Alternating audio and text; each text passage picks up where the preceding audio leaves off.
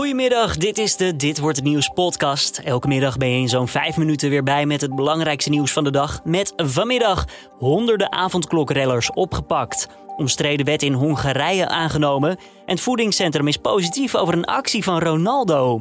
Mijn naam is Julian Dom, het is vandaag dinsdag 15 juni. En dit is de Nu.nl Dit wordt het nieuws middagpodcast. Er zijn in totaal 407 verdachten aangehouden voor de avondklokrellen. Dat maakt het OM bekend in een update over de corona-gerelateerde misdrijfzaken. 91 ervan waren minderjarig. Het gaat om de rellen die in januari in verschillende steden uitbraken in een reactie op de avondklok. De rellen gingen gepaard met veel geweld, diefstal, plunderingen en vernielingen. In bijna de helft van de gevallen is nu al een celstraf, taakstraf of boete opgelegd.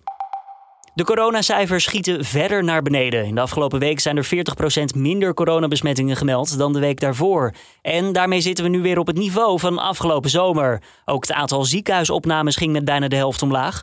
Omdat het zo lekker gaat met die cijfers, werd gisteren al bekendgemaakt dat het kabinet ietsjes eerder wil gaan versoepelen. Namelijk al op 26 juni. En we kunnen dan weer tot middernacht naar de kroeg en mogen weer acht mensen thuis ontvangen.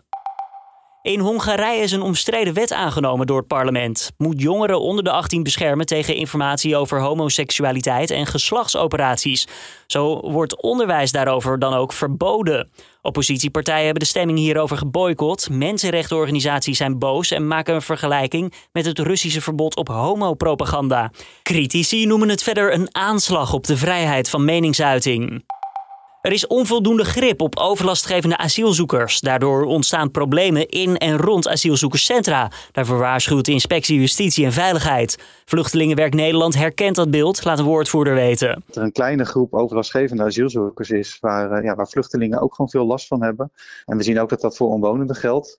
En ja, die zien we al een paar jaar wat meer uh, komen, hoewel het toch nog een beperkte groep gaat. En ja, wij maken ons daar wel, uh, wel zorgen over. Volgens de organisatie is het ook funest voor het draagvlak van de AZC's. Ze noemen het dan ook ontzettend triest dat een relatief kleine groep het verpest voor mensen die op de vlucht zijn voor oorlog of vervolging. De Portugese sterspeler Ronaldo stal gisteren de show met zijn cola-actie.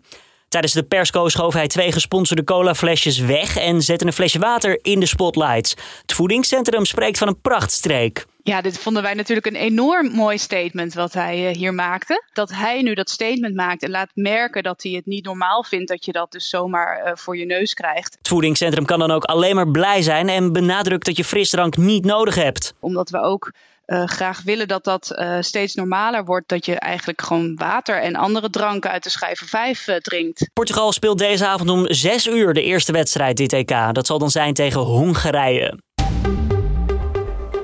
Dat weer nog even van Weerplaza. Een zonnige dag vandaag met 19 graden op de Wadden tot 26 in het zuiden. Vannacht koelt het iets af. En dan morgen tropische temperaturen. 27 tot 31 graden met veel zon. En dan even over naar Frankrijk, de Arc de Triomphe om precies te zijn. Nou, je kent hem wel, het wereldberoemde monument in Parijs. Ding is 50 meter hoog en, ja, wordt volgende maand vanwege een kunstproject ingepakt. En ja, dat hoor je goed, ingepakt.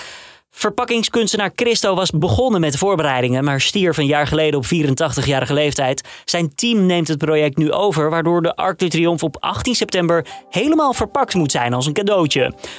En dit was dan weer de Dit wordt het nieuws podcast van deze dinsdagmiddag 15 juni. Tips feedback zijn altijd welkom. Kun je sturen naar podcast.nu.nl.